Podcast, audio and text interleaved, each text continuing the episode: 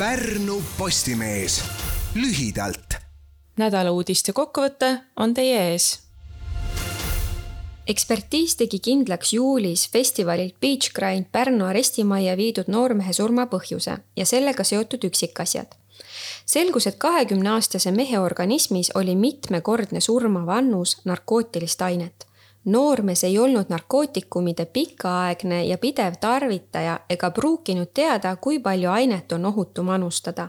ühele inimesele, kes seda ainet festivali ajal müüs, on esitatud kahtlustus. Pärnumaalt ülikoolidesse suundunud noorte seas oli tänavu populaarseim valik Tartu Ülikool. sealt leiab sel õppeaastal sada viiskümmend seitse noort pärnakat.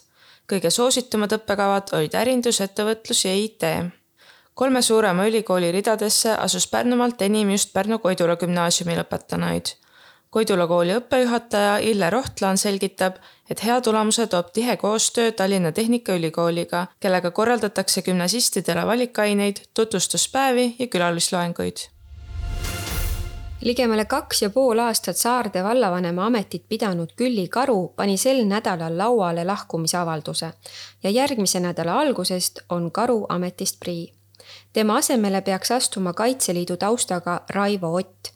vangerdusega loodavad Saardes võimulolijad parandada suhtlust sõnaka ja kriitilise opositsiooniga.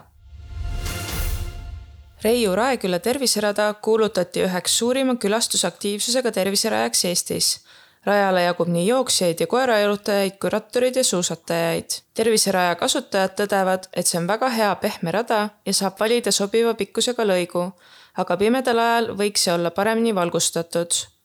Eesti terviseradade juht Assar Jõepera rõõmustab, et üleüldiselt on terviseradade külastatavus stabiilselt kasvanud ja üha rohkem inimesi saab aru liikumise positiivsest mõjust nii füüsilisele kui vaimsele heaolule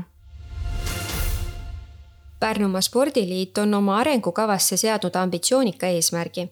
pärnumaalased peaksid aastaks kaks tuhat kakskümmend seitse liikuma rohkem kui eestlased keskmiselt.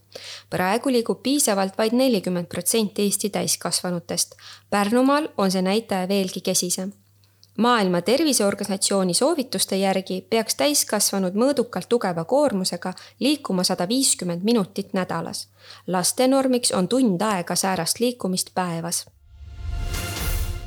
on aeg esitada kandidaate tänavusele Pärnumaa parima toote-teenuse valimisele.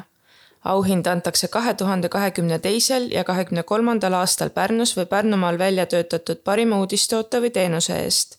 kandidaadi esitamiseks tuleb täita vorm, mille leiab Pärnu Postimehe veebist uudised valisid Grete-Liisa Sihver ja Siiri Erala Pärnu Postimehest. kõiki uudiseid saate pikemalt lugeda meie veebilehelt parnu.postimees.ee Pärnu Postimees. Lühidalt